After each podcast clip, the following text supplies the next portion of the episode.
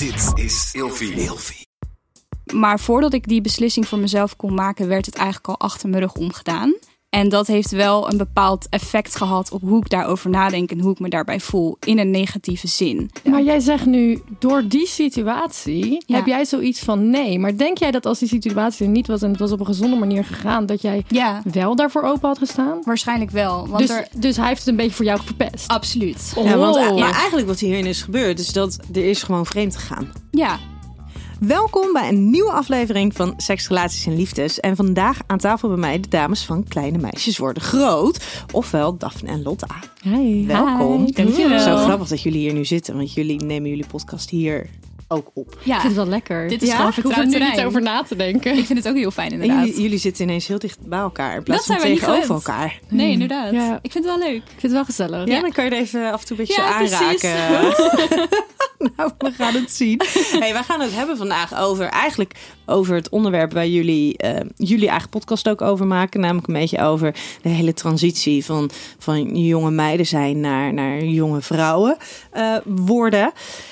Ehm, en gezien de populariteit van jullie podcast, denk ik dat heel veel dames daarmee bezig zijn. Ja. Ja, Ja. Dat is het leven, hè? ja. Maar zijn jullie daar ook echt met alles wat jullie doen mee bezig? Ik heb het idee van wel. Ja? Eigenlijk. Ik denk dat bij alles wat ik doe, wel ik constant aan het reflecteren ben. Waarom doe ik dit? Waar komt het vandaan? En hoe ga ik hier anders mee om in de toekomst? Daar ben ik eigenlijk wel echt constant mee bezig. Dat lijkt me doodvermoeiend. Ik niet. ik zit dit zo aan te horen en ik denk, mm, nee, dat geldt niet voor mij. Ik ben met hele andere zaken bezig, normaal gesproken. Ja? Moestuinen en thee Mo- drinken. moestuinieren en thee drinken en zo. Ja, hele andere dingen. Ja, ik schrijf wel veel. Ik houd een dagboek bij. Dat doe ik echt al sinds de basisschool. En dat doe ik dus nog steeds. Ehm, en dat is denk ik de plek waar ik reflecteer op alles. Maar buiten het dagboek en de podcast om... probeer ik het zoveel mogelijk los te laten eigenlijk. Ja, Ja. Lijkt me heerlijk. ja. Om dat los te kunnen laten überhaupt. Kunnen. Ja. Daar, ja. Ja. Ja. Hey dames, ik heb voor jullie in ieder geval van Oh. Bobby's. Wat leuk. De Bobby's Gin. Schiedam. er leuk uit, dankjewel. Dans, uiteraard. En ehm, mijn boek, De Relatie APK. Ik ben heel benieuwd. Daar mogen jullie ook lekker mee aan, eh, aan de slag. Oeh. Heb je dat nodig, Daphne? Ja, ik wel, denk ik. Ik ben En jij eh, dan? heel benieuwd. Ik denk ik ook. maar ik ben al de hele dag bezig met eh, reflecteren. Mag ik even Op rust? relatie. Ja, ja, ja, ja, maar misschien kan je dus inderdaad door het gewoon te lezen, kan je meer bezig zijn met wat erin staat in plaats van direct op jezelf te betrekken. Oh, heerlijk. Ja. Dus wellicht Ja. is het wel heel prettig. Ben jij denk het iemand ook. die ook notities eh, maakt in boeken? Ik namelijk Ja. wel. Zou je dat erg vinden, Nienke? Als we in je boek krijgt het erbij toch? Je krijgt het, het is van jou. Ja, maar het is niet Het dat, geen je, dat je auteursrecht dan gaat huilen Oh, van nee, wat nee, gebeurt nee, er met nee, mijn want boek? ik ben heel erg. Ik schrijf in alle boeken, ik schrijf ook. ik, eh, en hou ik, eh, of het nou met marker is of Ja. met pen, ik schrijf overal in. Ik doe precies en hetzelfde. iedereen die verklaart me altijd voor gek. Ja, oh, ik het enige heel blij dat je is dat daardoor Bobby Joe ook denkt dat je een boek mag schrijven. Oh, heren. Dus die doet ook mee. Ja, dat is niks. Nee, dat is niet zo handig. hey, ja? Serieus? Dit doe ik. Dit doe ik. Ja? Ja, Wat ontzettend jongens. onprofessioneel Ik je. gewoon... Oh, het is ook nog eens van school. En je was ook nog eens te Oh, laat jee. vandaag. Gaat lekker je nu had moeten Drie zitten. minuten, Daphne. Hou Nee, je. nee, nee, nee, nee. Start opname. Bar, bar, bar, Was- bar. Hey, ik heb jullie gevraagd om vijf woorden te bedenken die Oh, ja. voor jullie gaan over seks, relaties en liefdes. Ja, leuk. Wie gaat eerst? Lot. Oké, ik heb het heel maar. snel gedaan, want ik dacht Ja? bij mezelf, ik kan hier nou heel lang gaan over zitten nadenken. Want je kan honderd, eh, honderd woorden gaan zitten lopen te verzinnen. Ik denk, meid, doe niet moeilijk. Je schrijft gewoon Zo, op wat jij bent wel denkt. lekker gewend aan je in Schiedam wonen, hè? Zo. Zitten lopen te verzinnen. Niet normaal. Toen ik in Amsterdam woonde, praatte ik als Martin Morero. En nu... eh Dat kan, ik, nu dat kan ik me helemaal niet meer herinneren. In mijn hoofd heb je altijd zo gepraat. Ja? Ja. Oké, anyways. Vijf woorden. Vijf woorden. Vrijheid, begrip, zelfliefde, spanning en communicatie. Oh, wat mooi. That's it. Oké. Eh, ik had meer dan vijf woorden, maar ik heb uiteindelijk nog Ja, same. vijf echt gemarkeerd. Dus die zal ik even oplezen. Ik heb thuis, avontuur, geslaagd, monogaam en naakt.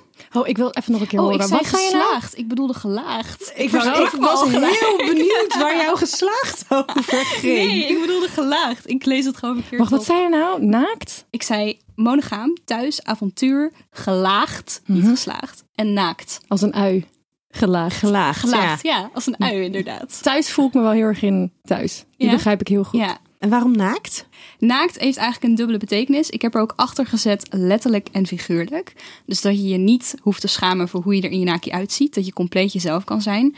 Maar ook dat er heel veel openheid en eerlijkheid is. In bijvoorbeeld een relatie of een bedpartner of wat dan ook. Ja, dus dat is moet, naakt. moet alles open en eerlijk zijn? Voor mij veel wel. Ik vind dat wel heel belangrijk. Veel wel. Ja. En voor jou? Nee. Niet alles. Wel veel, wel veel. Maar ik ben ook wel zo iemand als iemand zijn geheimpjes heeft of zijn dingen die hij voor zichzelf wil houden. Ja, dan ga ik niet degene zijn. eh, nee, je moet het zeggen. Nee, je moet het zeggen. Nee, dat gaan we niet doen. Nee. Lijken jullie op elkaar? Lotte ja en ik? en nee. Ja. Ja, Ja dat zeg je nee. echt heel goed. Ja en Ja nee, en nee. inderdaad. We- De rode draad in ons leven is echt, wij begrijpen, we hebben veel dezelfde meningen, we zijn geïnteresseerd in dezelfde dingen, maar Ja. Volgens mij uitwerking is gewoon totaal tegenovergestelde. Ik denk altijd dat wij echt precies op dezelfde manier emotioneel ontwikkeld zijn. En daar heel erg op elkaar lijken. Je Siri gaat uit. Hou Dit is niet oké hoor. Nou, ik ga hem gewoon op vliegtuigstand zetten, want wat is dit voor geouwe hoer? Nou, klaar nou met die telefoon. Sorry, Nienke. Oh, wij worden nooit meer uitgenodigd. Sorry. Ga verder, je was iets heel moois aan het Ja, ik weet al helemaal niet meer wat ik aan het zeggen was. Je zei dat we op dezelfde emotion, eh, op hele dezelfde manier ontwikkeld zijn. Ja. Ontwikkeld zijn emotioneel. Ja, How? Nou, ik denk dat dat ook een van de sterkte, sterke punten is van onze podcast. Omdat Mhm. wij allebei op een bepaalde manier emotioneel ontwikkeld zijn. En ik denk dat, dat het daarom gewoon lekker werkt. En dat we daarom over alles kunnen praten. Maar inderdaad, wat jij zegt, de uitwerking De uitwerking. is heel anders. Dat is Maar, zijn jullie denk je op, de- op, een, op een typische ehm, manier zoals dat alle mensen van jullie leeftijd ontwikkeld zijn ontwikkeld? Wow. Wat is dit? Ik, ik snap de vraag, maar ik moet. Nou ja, maar jullie, hè, jullie hebben het natuurlijk heel erg over onderwerpen waar jullie dan al tegenaan lopen nu of tegen aangelopen zijn. Ehm, het idee is natuurlijk dat jullie met jullie eh, openheid daarin andere mensen kunnen inspireren, dan wel gewoon dingen kunnen leren. Absoluut. Ehm, maar zijn jullie op eenzelfde niveau ontwikkeld, denk je, als jullie leeftijdsgenoten? Oei. Wat als ik- jullie er wat- zo bewust mee bezig zijn met Wat- al die dingen. Wat ik heel erg merk is in de afgelopen jaren heb ik zoveel advies gegeven aan voornamelijk jongere meiden, maar ook, ook jongens. Wat ik voornamelijk merk is dat de dingen die ik heb meegemaakt niet per se eh, letterlijk hetzelfde is wat hun hebben meegemaakt. Maar ik kan iets Mhm. heel heftigs hebben meegemaakt, daarover vertellen op een toegankelijke manier. En hun halen daar precies de dingen uit die ze nodig hebben. Dus misschien was de situatie totaal anders. Maar de dingen die ik zeg over die situatie, daar halen ze iets uit. Het is een soort gevoel wat je meegeeft. Een soort gevoel van sterk zijn. Een gevoel van zelfvertrouwen. Een gevoel van ik ben een volwassen vrouw en ik sta hier en hier en hier voor. En dan maakt het niet uit welk verhaal je vertelt. De boodschap wordt wel gehoord. Maar nu heb je het voornamelijk over, denk ik, ons of jouw jongere publiek. Hoe, heb, heb je dat dan ook met leeftijdsgenoten, Ja, 100%. zoals Nienke dat zegt? 100%. Oké, ja. Ja. Ja, ik heb dus wel, ik moet wel zeggen, in mijn eigen kringen, mijn leeftijdsgenoten, mijn vriendinnen, eh, mijn zusje ook. Ik heb het idee dat wij allemaal wel heel erg op hetzelfde level zitten. Ik vind het ook fijn om het omringen met mensen die op hetzelfde level zitten.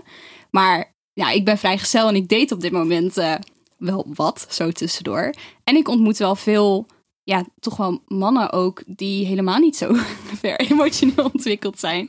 Ik breng dit heel voorzichtig. ik hoor je. Ben je toevallig nu met iemand aan het eten? Nee, op dit moment niet. Nee, nee. Maar de laatste date die ik heb gehad was met een, met een jongen, met een man. Een jonge man, 31. Wat ben je dan? Een man? Ja, ben je een een man, man, hoor. toch? Nou, ja, maar ik vind vind, jonge, moeilijk, hoor. jongeman vind ik dan nog wel wat, wat Ja, maar je gaat toch ook niet een- klinken Ja, ik of ook. zo. Want man klinkt gelijk zo man, dan oud. ben je wel echt, zeg maar, echt wel oud. Heb ik ook. Eh, Nou, doe het minstens 40 zo, plus. joh, jongens. Nee, ik ik ben vind het- jongen of gewoon... Nee, jonge man. Jonge, jonge man vind ik dan mooi klinken, inderdaad. Ja. ja, ik ben het met Nienke eens. Ja. Oké. Maar hij was 31 en we hebben drie uur lang gepraat en een drankje gedronken. En het, ja, sorry, maar ik kon niet met hem de diepte in. En ik merkte dat al gelijk gewoon op de eerste date. Dat ik dacht, nou, wij zitten niet op hetzelfde level. En voor mij is dat een afknapper. Maar, maar is dat sowieso misschien een verschil tussen eh, jonge dames en jonge mannen? Dat zou heel goed kunnen. Ja. Misschien. Ik wil hem daar eigenlijk niet op gooien. Want ik wil Nee niemand... maar, dit, eh, nee, maar dat is natuurlijk. Ik ben absoluut niet van het. Hey, dit is typisch Nee, mannen eh, of dat is typisch, typisch vrouwen. Ik bedoel, hey, jullie kennen mijn man. Als er iemand een emotioneel ontwikkelde man is, dan eh, is, is hij natuurlijk wel. Ehm, dus het is niet zo zwart-wit dat mannen Nee, niet precies. in staat zijn om zich op een emotionele manier te uiten. Maar is het soms dan toch wel zo? Ja, sowieso. Maar het heeft niet te maken met het gender man. Het heeft te maken met hoe de maatschappij al jaren in elkaar zit. Dit gaat honderden jaren terug. Dus hoe een man zich misschien niet emotioneel heel erg ontwikkelt, dat heeft te maken met het feit dat het van vrouwen meer wordt verwacht. Ja, maar dan, ja, en daar heb ik dan toch ook altijd een beetje moeite mee. Want er zijn namelijk ook heel veel Ja, mannen zijn die er wel kunnen. Maar we Ja. hebben het nu over Ja. stereotypes. Nou, Nou, nee, niet per se. niet Oh, per se. oké. Ik snap wel waar je van... ik snap wel... een vraag gesteld. Ik denk, ja, daar gaan we. Ik snap wel heel erg waar jij vandaan komt, Lot. En ik, ik begrijp dat heel erg, maar ik denk niet dat dat de, de- inderdaad bij iedereen zo is. En Absoluut ook, niet. Nee, sowieso niet. En ook niet per se de hoofdfactor is, inderdaad. Ik denk dat het wel per man verschilt. Ik denk dat ik gewoon pech heb gehad met mijn laatste paar dates. 100%. Ja, daar komt het gewoon op neer. 100%. Ja. Want ik ben toch wel op zoek naar iemand die, ja, waarmee ik wel de diepte in kan. Er moet wel een beetje, ja, en en ja, is, is, voor jou jouw vorm van diepgang, is dat een andere vorm van diepgang als misschien voor veel van jouw leeftijdsgenoten? Ja, wellicht. Ik hoor van mijn ouders regelmatig. In het begin vond ik dit echt een belediging, maar nu begin ik het langzaam te accepteren. Dat ik in mijn hoofd al een oude ziel ben en eigenlijk echt op zoek ben naar een levenspartner. Mhm. En ik, ik wil wel graag met iemand zijn, of dat nu is of over 10 of over 15 jaar. ehm, waarmee ik dat gevoel kan delen, die diepgang inderdaad. Ook al ben ik nu, ja, ik moet 25 worden. Ja, dus ongeacht de leeftijd van jouw date, Ja, die komt voor een uitdaging te staan. inderdaad. Ja. Precies. Heb jij dat ook nodig, Lot? Absoluut. Ja? Ja. Ik, maar dat is ook gewoon in buitenromantische lief, eh, ro- relaties vind ik het gewoon heel belangrijk dat je een goed gesprek kan hebben. Ja, En- ook in vriendschap inderdaad. En ook in vriendschappen, als ik niet met iemand. Hier hebben wij heel vaak gesprekken over gehad. Dat we nu op een punt komen waar we zo aan het werken zijn. aan waar we heen willen. en wie we willen zijn als persoon. En zo bezig zijn met die ontwikkeling. Dat ik met sommige mensen niet meer echt level. omdat Mhm. die, dat niet, die daar niet mee bezig zijn. Ja. En Daphne en ik die hebben altijd heel erg kunnen levelen. omdat we misschien soms het niet eens zijn met elkaar. maar we gaan wel altijd die diepte in. en er is altijd dat begrip en altijd die Mhm. acceptatie. Ja. ja. Hey, ik ehm, heb eh, vijf eh, soort van dinsdagdilemma's voor jullie. Leuk. Ik ben heel benieuwd. Ja. Seksualiteit of intimiteit? Oh ja, dit. ja, ik heb de podcast wel eens geluisterd, altijd deze vraag. Oh, nu moet ik hem zelf nog gaan doen ook. Ja, Ik krijg gelijk niet, kortsluiting niet in naar mijn kijken. Zelf Oké, bedenken. eh, Ik- je moet één van de twee. Seksualiteit of intimiteit? Ja, dat is het Oké, dinsdagdilemma. dan Ook, eh, intimiteit. Intimiteit, ja. Dat, daar ga ik Ik voor. wou het ook zeggen, maar nu kijk jij mij aan alsof ik het door haar zeg. nee. Intimiteit, ja. Ah, Intim, ja, wat een maar intimiteit. Ja, maar seks is ook wel leuk, hè? Je moet, Intimiteit, je hebben moet gekozen. kiezen. Ja, ik denk gewoon, eh, ik sta al even droog. Dus voor mij maakt Oh. het niet zoveel uit. Girl. mij gewoon op tafel. Ja, maar dat is oké. Dat is oké. kiezen. Hoeveel pandapunten? Maar wat, wat is dan een tijdje? Om het een Eh, beetje in perceptie te plaatsen. Nou, Nienke. ik heb de afgelopen 15 maanden één keer seks gehad.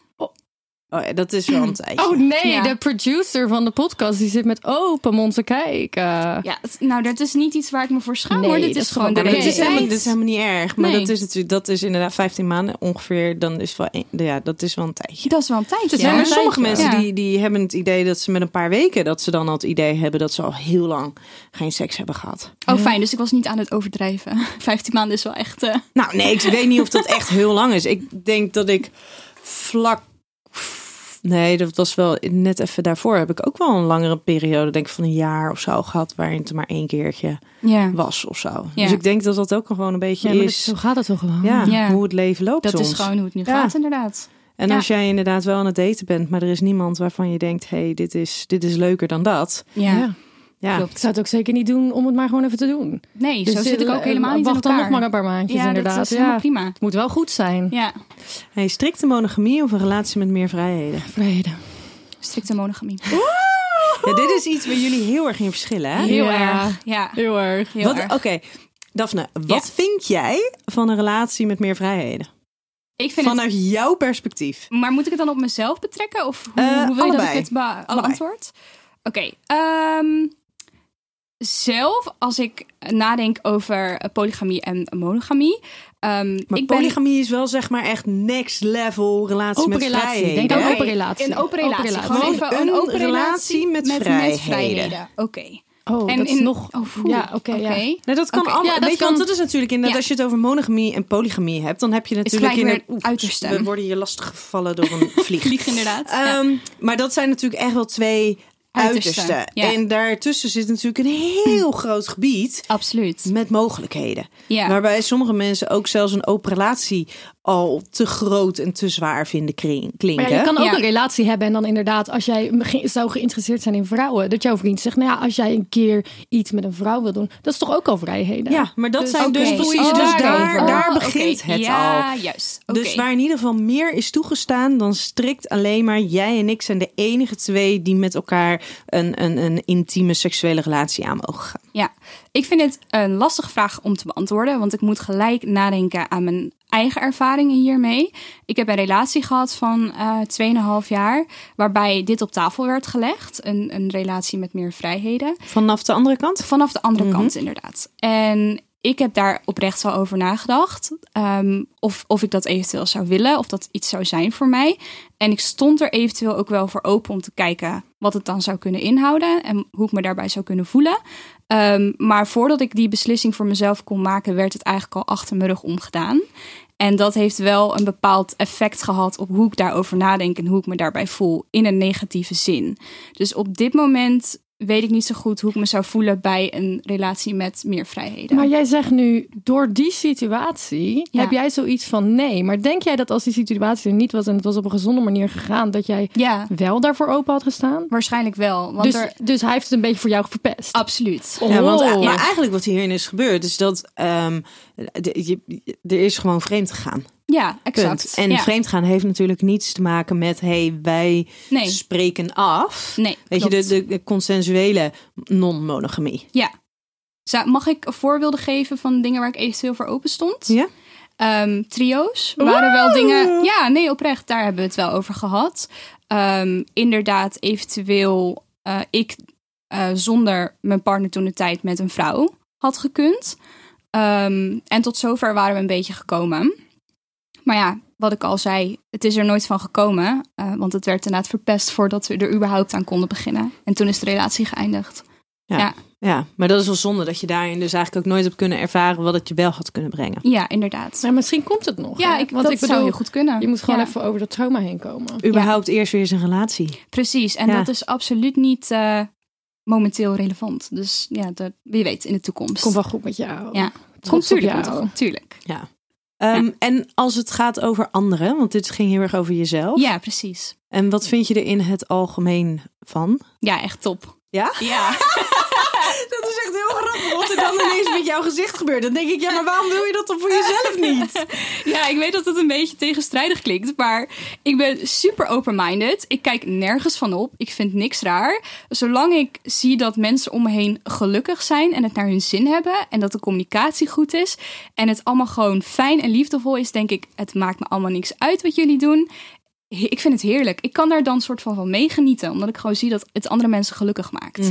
Dus het maakt mij echt niet uit hoe een relatie eruit ziet, wie erbij betrokken is, wat er speelt.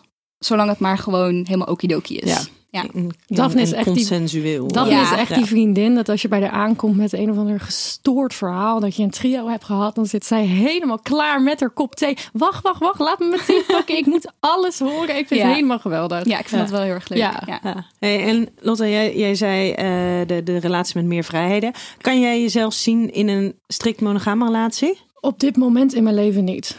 Ik heb, het, eh, ik heb mijn vorige relatie van vier jaar afgebroken omdat ik, ehm, omdat ik merkte dat hij meer monogaam was dan ik. Er waren meerdere redenen nat- natuurlijk, maar een van de redenen was dat ik merkte dat hij meer monogaam was dan ik. En ik ehm, kon dat niet meer. Ik eh, vond het niet eerlijk tegenover hem. Nu ben ik aan het daten. En ik date met meerdere mensen. En ehm, op een gegeven moment was er ook één vrouw. En die wou eigenlijk liever dat ik gewoon met haar was. En ook al vond ik haar heel leuk, heb ik het wel afgewezen, omdat ik op dit moment in mijn leven gewoon weet dat ik niet een monogame relatie aan iemand kan geven. Dat kan gewoon niet. Nee, maar kan het ook niet zo zijn dat je iemand tegenkomt en dat je dan denkt, ja, verdikke me. Eh, ja, ik kan het dus wel. Dus dat het misschien niet eens zozeer met de fase te maken heeft, maar meer met de persoon. Geen idee, ik denk het niet. Nee? Ik denk ook gewoon dat ik zo ben. Maar en ik wat zie is, het dan, wel- wat is dan zo zijn?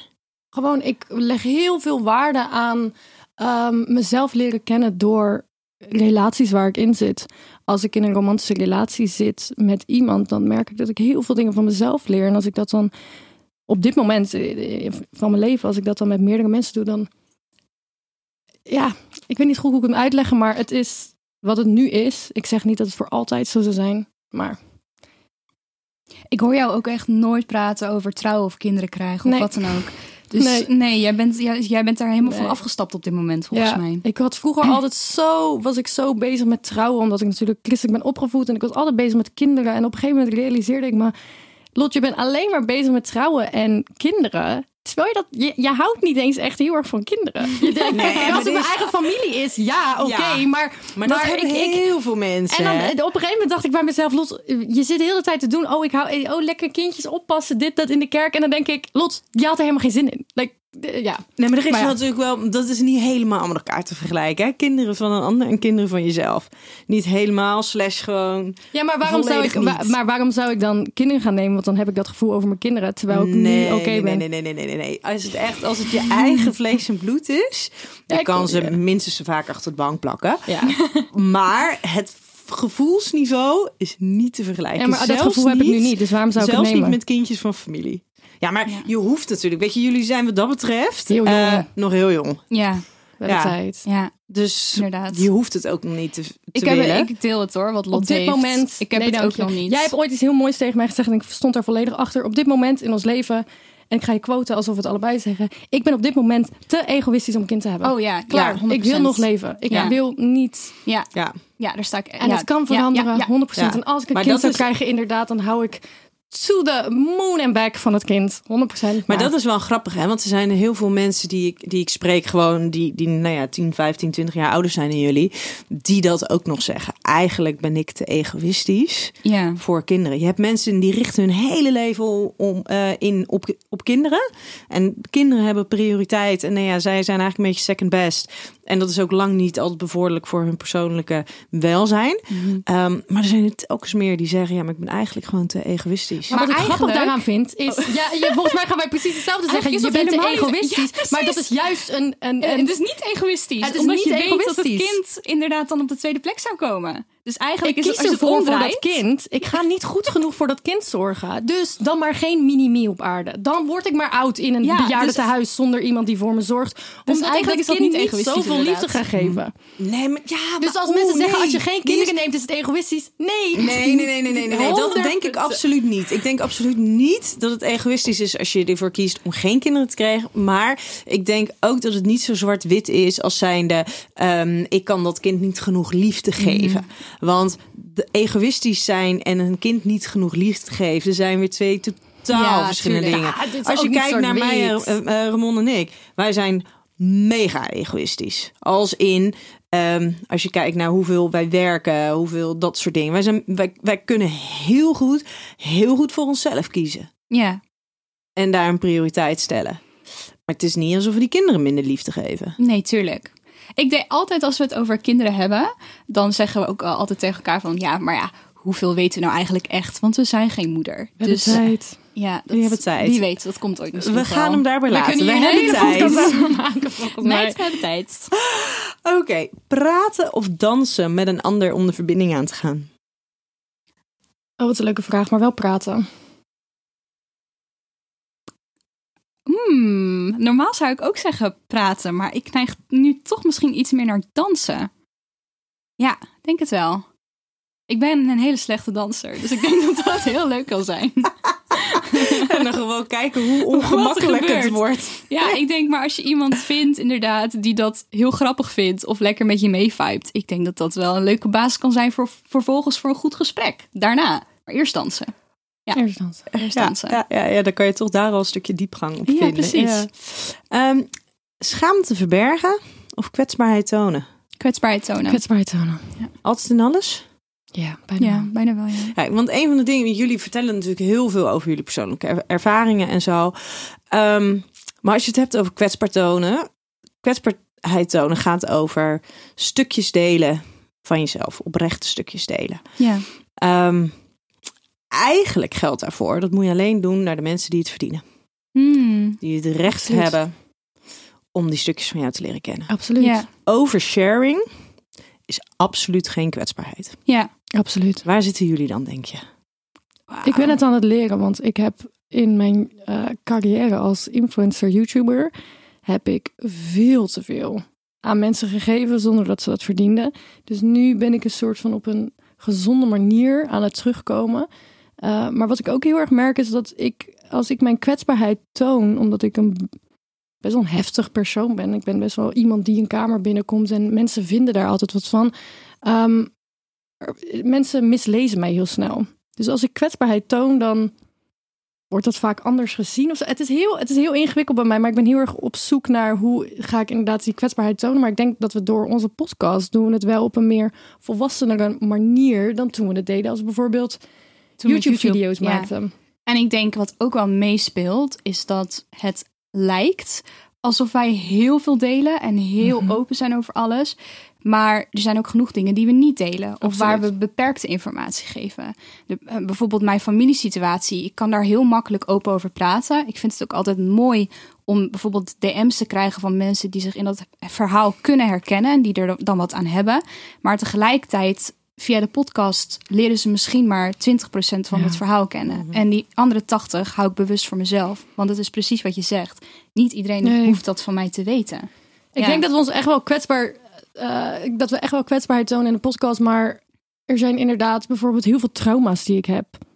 Daar weet, zelfs vri- vrienden van mij weten daar. Daar ben ik heel specifiek in. Dus ik ben heel specifiek met bepaalde dingen die ik vertel aan mensen. En Ja. daarin ben ik kwetsbaar, maar niet iedereen weet alles. En we hebben ook wel eens afleveringen opgenomen die nooit het licht hebben gezien. Oh ja. Dat we achteraf besloten van, nou, dit gaat misschien toch een stap te ver. Ja. We gaan dit niet de wereld inslingeren. Want het is Ja. zo makkelijk bij ons om een Ja, soort het van. is heel makkelijk. Dus ik zit gewoon met Daphne te praten, die ik Mhm. al ken sinds 2014. Ja. Dus dan zit je gewoon te ouwe en opeens denk je, oeh, Dit had ik Oh, niet moeten zeggen. dit- ja, dan vergeet je even mijn dat, moeder het- dat het luistert. inderdaad eh, het- op het internet komt. Mhm. Ja, dat Ja, gebeurt dat is wel een goede gradatie, hè? Mijn moeder luistert. Ja, Ja. niet dat ze luistert, maar misschien. dat denk ik altijd. Ze Ja. luistert nooit, maar misschien. Wie weet. Ja, ik heb ook heel specifiek tegen mijn vader gezegd van, nou, die twee episodes moet je maar niet luisteren. Oh, ik weet en de rest welke. Ik weet ga je gang. precies welke. Ja. De volgende ben ik heel benieuwd naar. Liever jong en naïef dan volwassen en alles overdenken. Ik ga toch voor volwassenen overdenken, want ik heb hier al vaker dingen over geschreven. Ja? Ja, over het, de hele zoektocht naar volwassen worden. Dat ik soms zo, zo weer wil dat ik jong ben en dingen niet begrijp. Maar het moment dat ik volwassener werd, en eh, ik bedoel, ben ik daar al volledig? Wat de hel is volwassen worden nou eigenlijk? Ehm, maar op een gegeven moment vielen alle puzzelstukjes een soort van samen. Ik begon dingen te begrijpen. En aan de ene kant was het heel pijnlijk.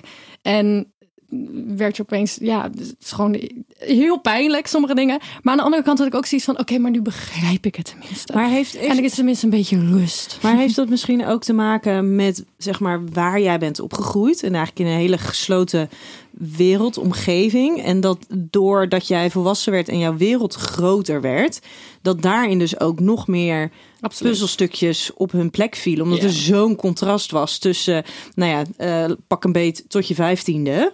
17. En zeventiende, ja. Eh, en zeg maar, als je kijkt voor de periode van je negentiende tot nu. Dat dat Ja. echt, bij iedereen is dat een contrast. Maar ehm, Bij mij was het echt... het, was, het is een hele, letterlijk een andere wereld geweest. Ja, het was letterlijk alsof ik uit een soort bubbel kwam. Ja, Ik vind mezelf ook een ontzettende laadbloeier. Ehm, en ik denk dat veel van die redenen, eh, veel van die- de reden daarvoor is dat ik inderdaad pas op mijn zeventiende begon te begrijpen: oh, wacht, is dit aan de hand in de wereld? ja, en even om een kleine context voor de luisteraar. Jij bent enorm christelijk opgevoed. Ja, ik wist, ik wist, ik wist tot mijn, tot mijn achttiende. Eh, Had, op rond 18, 19 begon ik pas het concept van eh, evolutie te begrijpen. En, Mm. en tot de leeftijd nu hoor ik soms opeens dingen dat ik denk, oh ja, wait, that makes so much sense. Like, ik, ik begreep niet eens dat er een soort van, je weet toch, die andere soort mensen, miljoenen jaren geleden, like, tussen, Mhm. tussen apen en ons nu in, Mhm. dat daar een hele groep en dat dat dan verschillende ja, joh. En dat wist ik gewoon niet. Allemaal van een soort basic knowledge waar je pas achter komt als je uit de kerk bent. Dat ik denk, dit is, dit is, dit is, dit klopt. Ik snap dit. Ja, maar los eh, van die hè, ges- Ja, mentaal, geschiedenis. mentaal, nee, maar inderdaad, los van, van geschiedenis weet je eens. Als je het hebt over persoonlijke ontwikkeling, sociale ontwikkeling, het mogen ontdekken, exploreren. Ik bedoel, ik had op mijn 13 had ik een vriendje van 18. Ik heb van mijn, van mijn 14 tot mijn 18e heb ik elk weekend van eh, zeg maar tussen Groningen en, en Schiedam in geleefd. Weet je, dus voor mij was die transitie naar eh, gaan studeren. Ja, ik had, ik had de vier, vijf jaar daarvoor was ik al een soort van elk, eh, nou ja, door de week dan thuis en het weekend weg. Dus net even andersom. Weet je, maar dus bij mij was die transitie was eigenlijk dat gat was veel minder groot. Ja. Dus dingen gebeurden gewoon. Ik had nog geen druppel alcohol gedronken op mijn achttiende.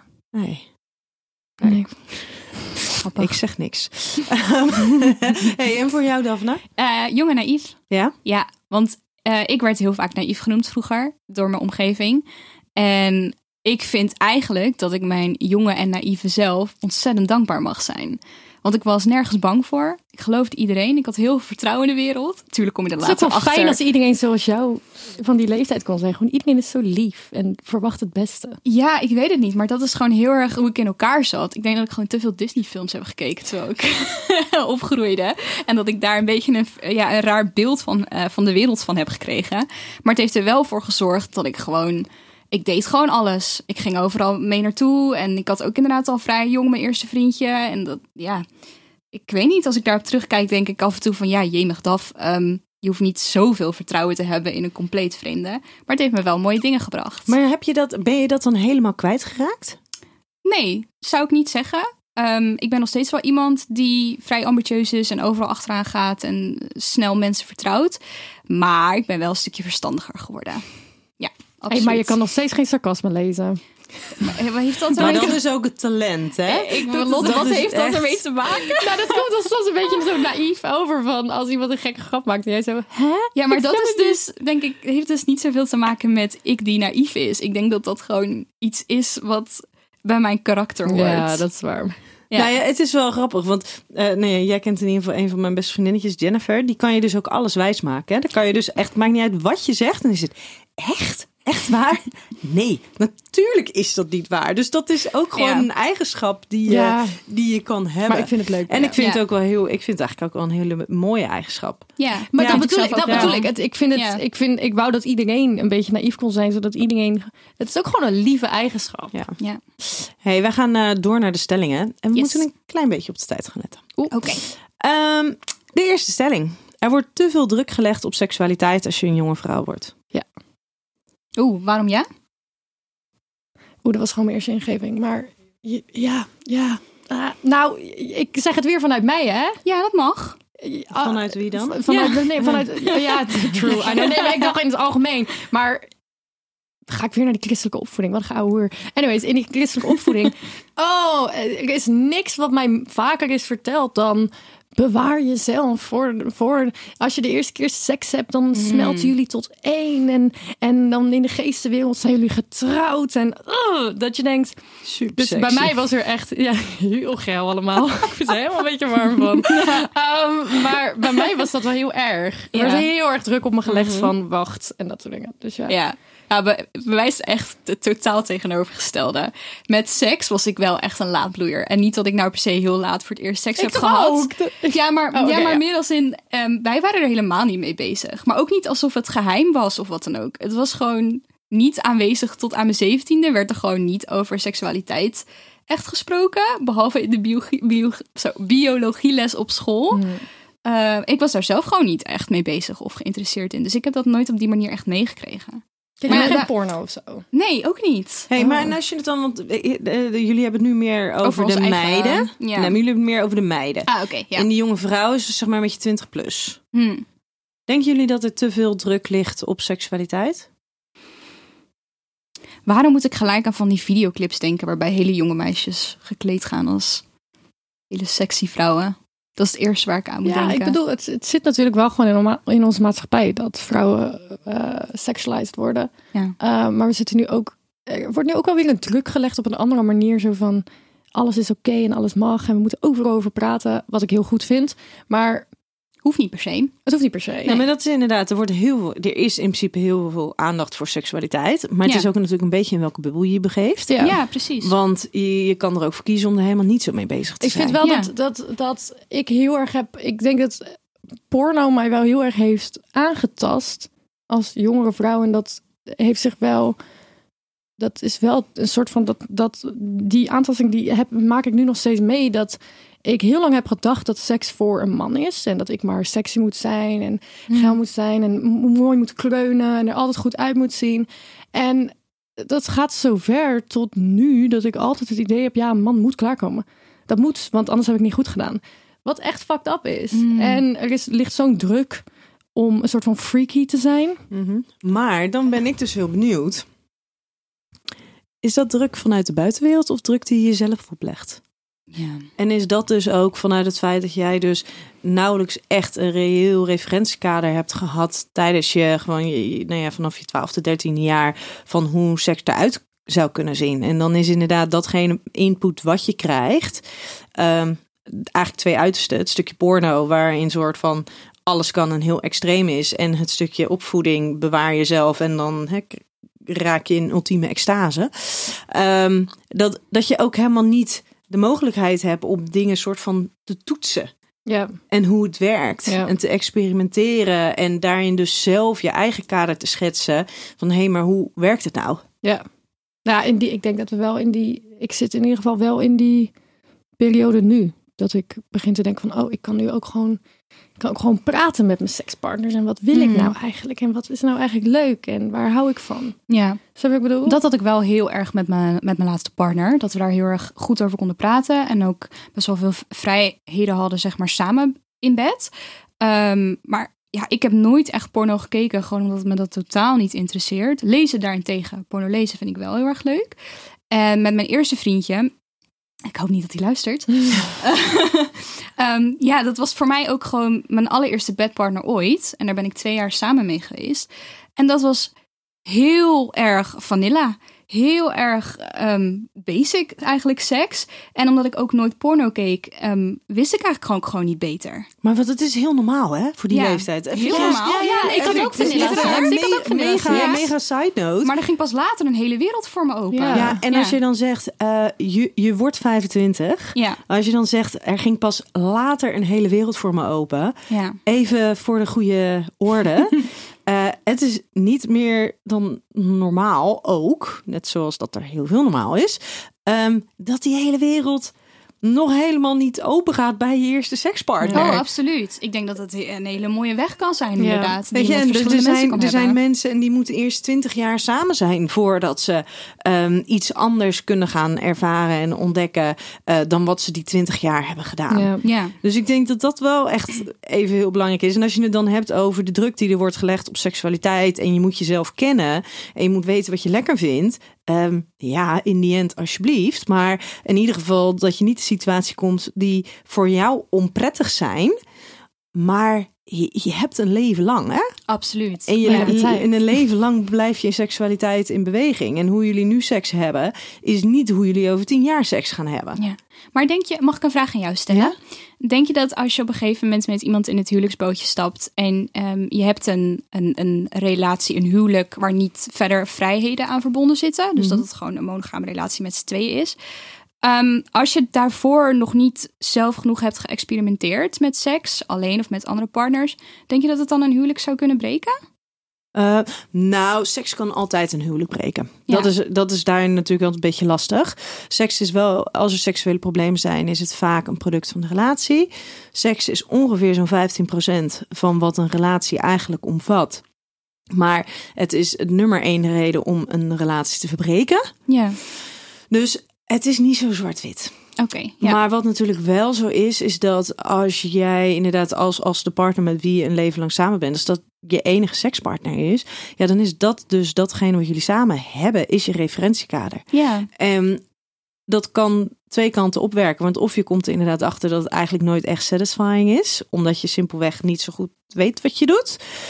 Of je weet niet dat er nog meerdere dingen zijn, andere dingen zijn. ja. Dus nou ja, onder het mom van ja, wat je, wat je niet weet, dat, dat Ja. mis je niet. Nee, precies. of je gaat jezelf helemaal opvreten. Ja, dus het kan, Ja. of het kan dus inderdaad tot frustraties leiden en tot conflicten leiden.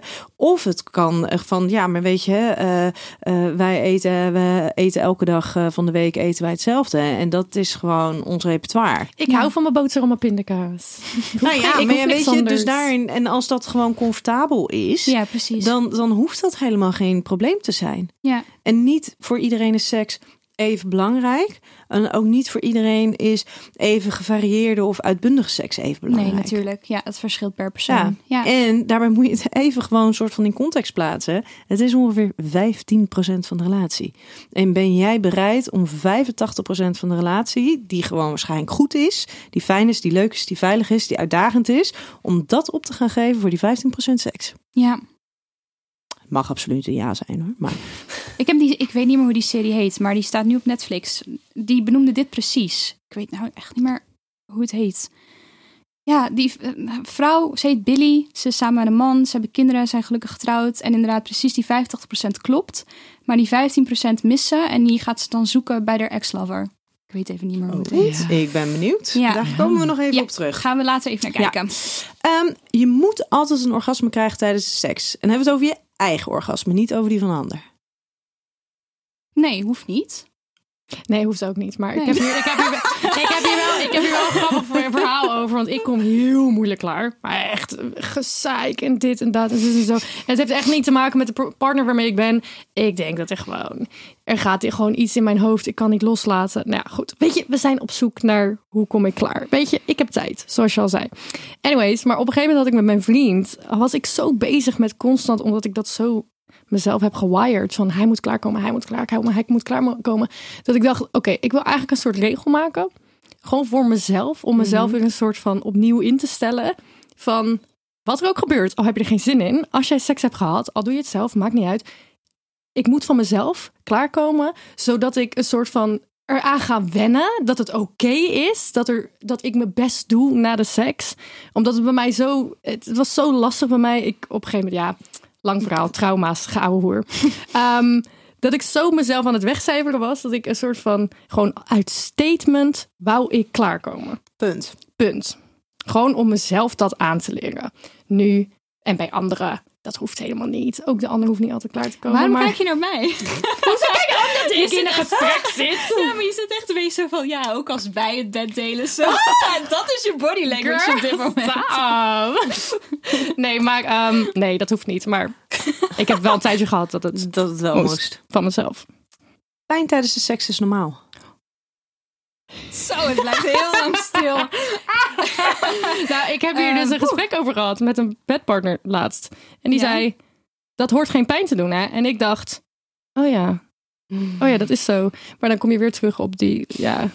Ik, ah, Ja, ik weet niet wat normaal is. Ik ben daar geen expert in. Het lijkt mij voor jezelf veel fijner als het pijnloos is. Mhm. Ehm, en ik heb zelf alleen maar pijn ervaren helemaal in het allerbegin. Toen ik net begon met mijn eh, seksuele avontuur. Het is ook zo... Eerste keer penetratie. Het is, en, ja, ja. het is toch ook zo'n grijs gebied. Want soms is het pijn net een beetje lekker. Ja, maar er is een verschil tussen gekozen pijn en inflicted ah, pijn. kijk. Maar heb je het nu over inflicted pijn dan? Of... Nou ja, ik heb dus eh, het, het- gekozen pijn. Dat kan inderdaad natuurlijk voor heel veel mensen überhaupt een prikkel zijn binnen de seks om mee, om Ja. mee te spelen. Ja. Ehm, maar pijn bijvoorbeeld bij penetratie. Ja. Pijn doordat penetreren niet lukt. Of dat het eh, gewoon wat schraal is. Of Ja. niet vochtig genoeg. Daarin is eigenlijk het heel simpel. Mag geen pijn doen. Punt. Ja, nee, precies. En als je dan bijvoorbeeld zoiets hebt als anale seks, ja, dat is gewoon die kringspier is niet bedoeld om op te trekken. Dus Ja. je hem oprekken, dan moet je daar even, ja, dan moet je even doorheen. Eh, maar daarna zou het ook geen pijn meer moeten doen. Ja, Ehm, maar zeker als je gewoon vaginale seks hebt ja, en een vorm van penetratie daarbij, ja. mag geen pijn doen. Ja. Nee. Ik denk dat ik mezelf dit echt nog heel erg... Ik weet het wel, Maar wederom, en dat komt nu wel heel erg duidelijk naar voren in deze podcast. Ik heb gewoon te veel sexual trauma, waardoor ik me slechte dingen heb aangeleerd. Ja, Dus maar je ik moet er bij mij heel erg inkomen van, Lot, je mag nee zeggen. Je mag nu stoppen. En dat is oké. Ja, maar je moet je niet vergissen. Hè? Er is zo'n 50 tot 60 procent van de vrouwen die heeft ehm, vrijwel altijd tot heel vaak pijn bij de seks. Ja, 50 tot zoveel? 60 procent van de vrouwen. Ja. En dan niet vrijwillig dus. Nou, niet omdat ze inderdaad even Nee, lekker een precies. tik Ja. op hun bil willen of zo. Nee. Oh, dat is echt heel veel. Ja, dat is dus onwijs veel. Ik schrik daar gewoon een beetje van. En het lastige is daarin dat je natuurlijk, dan kom je soort van in die pijncyclus en die angstcyclus. En dan blijft dat ook zo werken. Ja, Ja. dat is vervelend. Maar het hoort dus pijnvrij te zijn. Oké, gelukkig. En als je de, de, de glijmiddel is daar überhaupt ook al een hele fijne voor. Ja. Volgende. Jaloezie binnen relaties is heel erg gezond. Ja, absoluut. Ja, ik denk wel een beetje. Ja, ik vind ergens jaloezie ook wel. eh, ja, kijk, ik, jaloezie vind ik zelf een hele vervelende emotie om te ervaren. Maar het is voor mij ook wel een teken dat ik daadwerkelijk wat geef om mijn partner. En dat het me wat doet. Als het je helemaal duizend procent koud zou laten, ja, ik weet niet. Ah, dat verschilt natuurlijk ook weer per persoon en per relatie. Maar zelf, ehm, als er een beetje jaloezie is, ja, begrijp ik wel. Ik vind dat niet per se iets slechts. Nee, absoluut niet. Jaloezie triggert mij gewoon heel erg. Als iemand jaloers is, dan... Ja, dat, dat triggert mij gewoon heel erg. Ik kan daar heel slecht tegen. Ik snap het wel. Als het op een gezonde manier gaat. Ja, Alleen, het gaat bij mij heel snel een soort van net van... Hallo, ik mag doen wat ik wil. Ik denk Maar ook dat komt inderdaad... door Maar dan ga mijn je, gaat gelijk in de weerstand. Ja, dus als heel iemand... erg. Heel erg. Ja, maar Ja. het is inderdaad precies hoe ga je ermee om? Ja, Hoe, hoe ga jij zelf om met die gevoelens? En hoe ga je ermee om als je partner bijvoorbeeld die eh, gevoelens ervaart? Denk dat daar inderdaad nog een gebruiksaanwijzing aan vast kan Ja. zitten. Ja, want triggert jouw eigen gevoel van jaloezie jou ook? Ehm, Vind je dan ook dingen van dan, jezelf? Ja, dan denk ik wel bij mezelf van Lot, je hebt gekozen voor een, eh, een tijd in je leven waar je niet monogaam bent. Dus stop ook even met ouwe hoeren. Dus dan ben ik wel echt van Lot, niet dit doen. Ja. Maar het triggert me vooral bij anderen, omdat ik ehm, ooit iemand in een relatie was met iemand die to de extreme jaloers was. Dus ik ben heel snel een soort van in de weerstand, wat ik ook niet moet doen. Maar eh, Je hebt wel heel veel het is allemaal de weg die je wordt. Ja, maar snap je waarom ik de hele dag aan het zelfreflecteren ben? Ja, er is ook een hoop te erg- doen, jongens. Er is een hoop. Er is ook een hoop te doen. Hey, we gaan naar de laatste eh, stelling. Yes. Je moet van jezelf houden voordat je van een ander kan houden. 100 punten, 100 miljoen, duizend. Onze eerste aflevering is verliefd worden op jezelf. Ja, En die gaat exact die gaat echt precies daarover inderdaad. Want dat vinden wij allebei heel belangrijk. Ja. En we hadden toen ook wel een conclusie, en die wil ik hier ook wel benoemen. Dat dat niet betekent dat je om van jezelf te houden altijd maar alleen moet blijven. Dat kan je ook doen en leren als je Ja. met iemand samen bent. Maar ik vind het wel belangrijk dat je daar mee bezig bent. Dat Ja. je daaraan werkt. En ja, En moet je daarbij dan ehm, van alle stukjes van jezelf houden? Nee. Maar doet iemand dat überhaupt? Ja, doet iemand 100% van jezelf houden? Nou, ik denk dat er wel een aantal zijn die ernstig goed zijn in zelfverheerlijking. Jazeker. Ja, maar is dat dan, ligt het dan Nee. niet net op het randje inderdaad? I love myself. ja. Ja. Ja, ik weet niet. Maar ik ben inmiddels wel, kan ik wel heel erg met, met veel vertrouwen zeggen dat ik op een punt ben gekomen dat ik echt dol ben op mezelf. ja, jij houdt ook echt van jezelf, hoor. Ja, maar dat is ook wel echt een proces geweest hoor. absoluut. Nogmaals. En ik hou ook niet van... Wij houden allebei niet van ons... 24. Ja. Doe normaal. We zijn lekker Ja. bezig, toch? Hou ik vind echt dat we lekker bezig zijn. Vind je ons niet twee oude taarten af en toe? Nou, Nou, doe doe maar eens normaal. wel. Ik kan Maar me niet herinneren dat ik zoveel Ja. over dingen heb nagedacht Ja. als dat jullie dat Well, thank you. ja, maar ik hoor dit echt vaak hoor. Van mensen uit mijn omgeving die naar de podcast luisteren. Die, die horen ons praten en denken echt... Waar, waar denken die allemaal over na? Nou, hallo. Krijg ik echt Leef. regelmatig terug. Doe dingen. Oh, zonder ik ben wel aan het leven. Ik ben wel aan het leven. Alleen Nee, ja. zonder na te denken. Ja, precies. Hey, ik heb nog ehm, twee dingen. Twee vragen, want we moeten het namelijk alweer gaan, eh, gaan op. eh, Zo afronden. jammer. Ja, Zo sorry. gezellig. Ik vind het wel gezellig Ja, inderdaad. Ja, maar ik krijg cues dat de tijd erop zit. Yes. Wat een gezeik jullie Nou, vent. De tijd achter die, achter die computers, Ja, ja, met zijn koptelefoon. Wat een stoerdoenerij. Oké. Waar zijn. Wat, wat vinden jullie het meest lastig in de hele transitie van, eh nou ja, van meisje zijn naar jongvrouw zijn? Ik had even over deze vraag moeten nadenken van Ik heb tevoren, denk ik. Oh, wat dan? Ik heb er zelfs over nagedacht, want ik dacht dat hij zou komen. Het besef en de acceptatie dat niks voor altijd is. En dat iedereen in Oh je ja, leven goeie. weg kan gaan. En dat je dat gewoon moet accepteren. Niet je, je vrienden gaan niet blijven. Familieleden krijgen ruzie. Niks, niks blijft zoals het is. Alles gaat constant veranderen. En je moet je er volledig bij neerleggen. Want anders dan ga je constant met je hakken in het zand. En het heeft helemaal geen zin. Ja. Go with the flow. Ik sluit me daar wel bij aan, maar je hebt het nu vooral over externe factoren. Dus inderdaad mensen om je heen die bijvoorbeeld weggaan, dingen die veranderen. Maar ik denk dat het ook heel erg slaat op jezelf. Ja. Ehm, ik kan nog steeds rouwen om het meisje die ik een jaar geleden was. En Ja. heel af en toe moet ik echt denken van ja, maar de tijd gaat gewoon verder. En je maakt weer dingen mee en je leert weer een hoop bij. En dat is oké. Ja, en de, Ja. De, de meningen die je nu hebt, het is oké dat die over vijf jaar anders zijn. En je moet dat ook bij andere mensen gaan zien van, oké, ik ken iemand van vroeger vijf jaar geleden, maar ik ben ook heel erg veranderd. Dus de dingen die die persoon toen heeft gezegd of gedacht of, of, of eh, de manier waarop die in het leven stond, dat is nu ook anders. Ja. Alles gaat constant veranderen. Het feit dat als je mij had verteld toen ik 17 was, en je had verteld dat ik eh, zo met seksualiteit zou omgaan en niet meer naar de kerk zou gaan, dan had ik gezegd dat kan niet.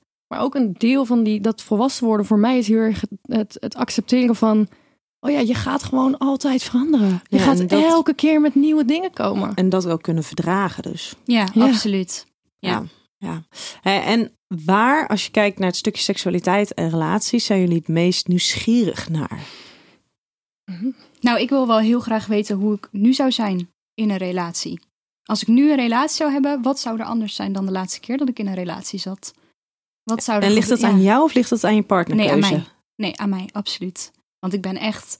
Nou, ik vind dat ik zelf zo'n transformatie heb ondergaan het afgelopen jaar. Ik ben zo'n andere persoon dan twaalf maanden geleden. Ik ben heel benieuwd hoe ik me nu zou verhouden in een, in een, in een relatie Ik denk met dat iemand. keihard bent. Ik denk dat je echt heel snel zegt, oké, dit, Dit, eh, dit ja. doe je. dit was de grens, nu de deur uit. Ja, dat denk ik ook wel. Oh ja, dit, dat ga jij Jij sowieso gaat er goed ja, op, hè? Ja, sorry dat, eh, Jij hoe, jij je, hoe jij je ex hebt gedumpt. Sorry, ik ga het niet zeggen, maar ah, geweldig. Ja, Ja, dus dat. Dus ja? ik denk, ik ben er zelf heel erg nieuwsgierig naar. En ook omdat ik er, ik ben er weer aan toe. En dat vind ik ook nog een beetje eng om toe te geven aan mezelf. Maar ik zou het heerlijk vinden om weer iemand te vinden. En ik ben heel benieuwd naar hoe dat avontuur gaat zijn. Ik ook. Ja, voor jou. absoluut. Ja. Ja. Hey, en waar ben jij nieuwsgierig naar? Ik vind het een hele moeilijke vraag. Ja? Want ik merk echt dat ik... ehm, ik ga echt gewoon met de flow de laatste tijd. Het is wat het is. en ik, ik, ga, ik doe gewoon wat goed voelt. Meid, jij hebt Dat- tijd. En meid, ik heb tijd, joh. Ik heb tijd. Ik ben wel de hele tijd aan het de volgende podcast gewoon zo noemen. Ja, Ja, meid, nee, dit zeggen wij wel heel vaak. Dit is een Ik beetje wil echt nog een keertje merch maken met Meid, we hebben tijd. Ja, dat lijkt ja. me superleuk. Ja. Ja, maar ik denk dat dat wel een hele belangrijke is. Zeker omdat jullie zoveel bezig zijn met reflecteren en je ontwikkeling. Echt, jongen, gun jezelf gewoon de tijd om het inderdaad lekker te laten gaan zoals dat het gaat. Ja, In plaats van continu ermee bezig te zijn van waarom doe ik dit en wat ben ik dan aan het doen. ja, Echt, give yourself a break. ja. Ook je verloor, Ninka. Ja, maar daar twijfel ik ook Het niet is ook aan. gezellig met daar twijfel ik ook niet aan. Ja, jullie met z'n tweeën. Ja, Ja, we met z'n wel tweeën. Stelletje randenbielen zijn we af en toe. Zo. Dat mag ook. Dat Ja. mag ook. Hey, wij gaan hem eh, afronden, dames. Ja. Dank jullie wel. Dankjewel. Ja, en ik hoop dat, dat je jullie ons nog- hebben. Nou, eh, heel graag gedaan. En ik hoop dat jullie nog eh, heel veel mensen kunnen mogen inspireren. Ik Wij ook. ook. Ja, komt goed. Helemaal goed. Lieve luisteraar, tot volgende week bij een nieuwe Seks, Relaties en Liefdes. Wauw.